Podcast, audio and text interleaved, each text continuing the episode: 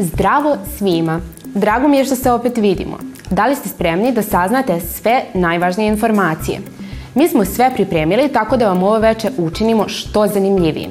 Moje ime je Ana Milak, a vi se udobno smestite jer počinje Dečiji TV dnevnik. Saznaćemo zašto je san bitan. Rođen je prvi panda u Rusiji. Ako ne znate šta da čitate, ideju ćete dobiti nakon rubrike u zemlji knjiga. Vremensku prognozu zna Elena Prica. Spavanje je jako važno kako bi se mozak razvijao, naročito dok smo deca. Tada rastemo i bez dovoljno sna nećemo moći da radimo sve kao kada smo odmorni. Deca koja ne spavaju dovoljno mogu imati, na primer, problem sa koncentracijom u školi.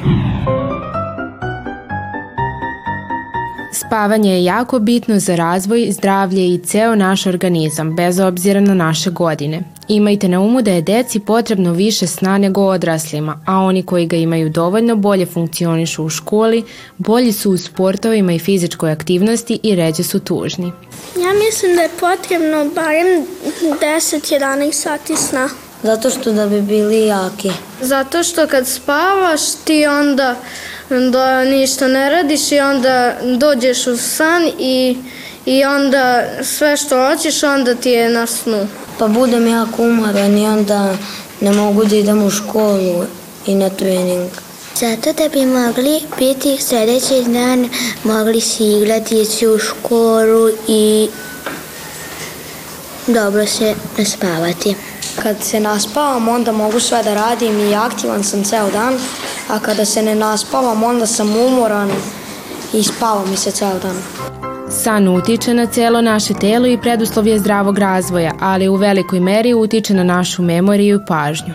Pa san je jako važan za svako živo biće, pa tako i za dete. Pre svega utiče na opšte zdravlje jednog organizma, a kada govorimo o, de, o deci, ono što jeste najvažnije je dovoljan broj sati sna, odnosno oni moraju imati dovoljan broj sati sna kako bi funkcionisali na jedan zdrav način, to znači kako bi njihova koncentracija bila zadovoljavajuća, kako bi njihove snage fizičke bile zadovoljavajuće i ono što naše istraživanja pokazuje da san uh, utiče na e, emocionalne reakcije, odnosno ako smo neispavani, umorni ili je taj san loš i isprekidan, vrlo često se dešava da smo razdražljivi, da u stvari teško tolerišemo stres, da reagujemo onako kako ne bismo trebali, jer u stvari organizam nije odmoran. To je jedini zdrav način regeneracije organizma.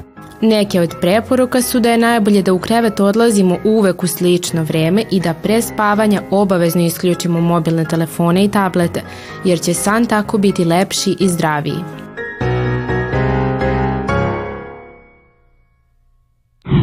Jedan zoološki vrt u Moskvi je nedavno podelio snimak na društvene mreže bebe pande, koja se rodila pre dva meseca. Na snimku možemo videti i majku pande, koja se zove Ding Ding. Beba pande je prilikom rođenja imala 1,3 kg i bila je dugačka 36,8 cm. Ova mala panda je rođena u zoološkom vrtu u Moskvi i prva je panda ikad rođena u Rusiji – Njegovi majka i otac su stigli u Moskvu 2019. godine i premestili su ih da žive u isti prostor ovog proleća. Nedugo potom, nekoliko meseci kasnije, rođena je ova preslatka panda. Knjige mogu biti jedan od odličnih načina da ispunite svoje slobodno vreme tokom kišnih jesenjih dana.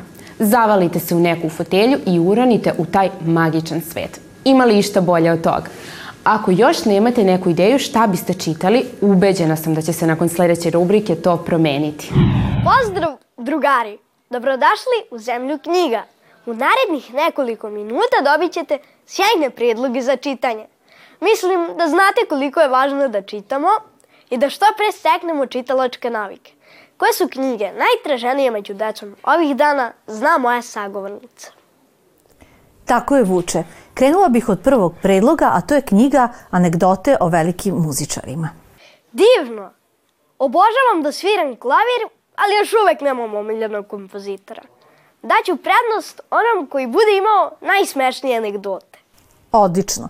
E, Aleksandar Gatalica koji je priredio ovu zbirku anegdota e, posvetio je pre svega deci i mladima i napisao je mnogo zgodnih anegdota kroz koje e, neke poznate kompozitore kao što je bio na primjer Mozart, ali neke manje poznate kompozitore, pevače, dirigente je prikazao kroz smešne dogodovštine kao decu. To znači da će čitaoci ove knjige upoznati poznate kompozitore iz drugog ugla. Tačno, iz nekog sasvim drugog ugla kao decu i nadam se da će im se svideti kako su bili zanimljivi i smešni. Nego koji je naš drugi predlog za danas? Naš drugi predlog za danas je knjiga Vinča naselje prvi zemljoradnika. Autor je Nedad Tasić. Baš volim istoriju. Od uvek me je zanimalo kako su ljudi nekada živeli kada nije bilo mobilnih telefona i kompjutera. Pa zato često odlazim na selo da bi saznao što više detalja. Recite nam kako se uopšte provodili dane. Ova je knjiga upravo interesantna iz tog razloga. Ljudi su nekada živeli sasvim drugačije, koristili su e, različita oruđa, oružja, e, naravno vodili su računo i tome kako se odevaju, pravili su nakit i živeli su nekim sasvim drugačijim uslovima neko danas. Drago mi što ti interesuje ova tema. Baš me sve ovo zainteresovalo. Hoćete mi pozajmiti ove knjige posle snimanja? Naravno, e, samo dođite u biblioteku i tu su knjige za sve vas, a pre svega za tebe. Nadam se da vas je barem jedna knjiga zaintrigirala i da biste poželeli da je pročitate. Zato, trg do najbliže biblioteke, a mi se vidimo sledeći put sa novim predlozima. Ćao! Stigli smo do vremenske prognoze. Sve nas zanima da li nam sutra treba kišobran ili kabanica. Zavisi šta više volite da nosite. Elena Prica će nam dati najbolji savet šta da obučemo sutra za školu, ali i generalno kakvo vreme da očekujemo.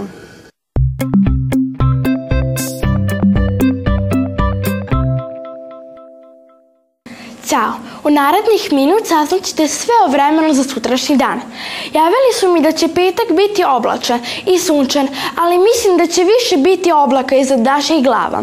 Svakako nam se vikend bliži, tako da nam ovo vreme ide u korist i treba ga pametno iskoristiti. Gledajte nas i sutra kako biste čuli vikend prognozu.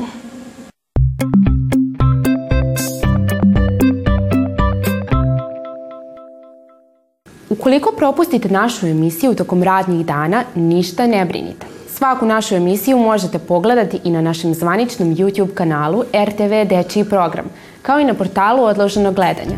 Mi se vidimo već sutra. Doviđenja!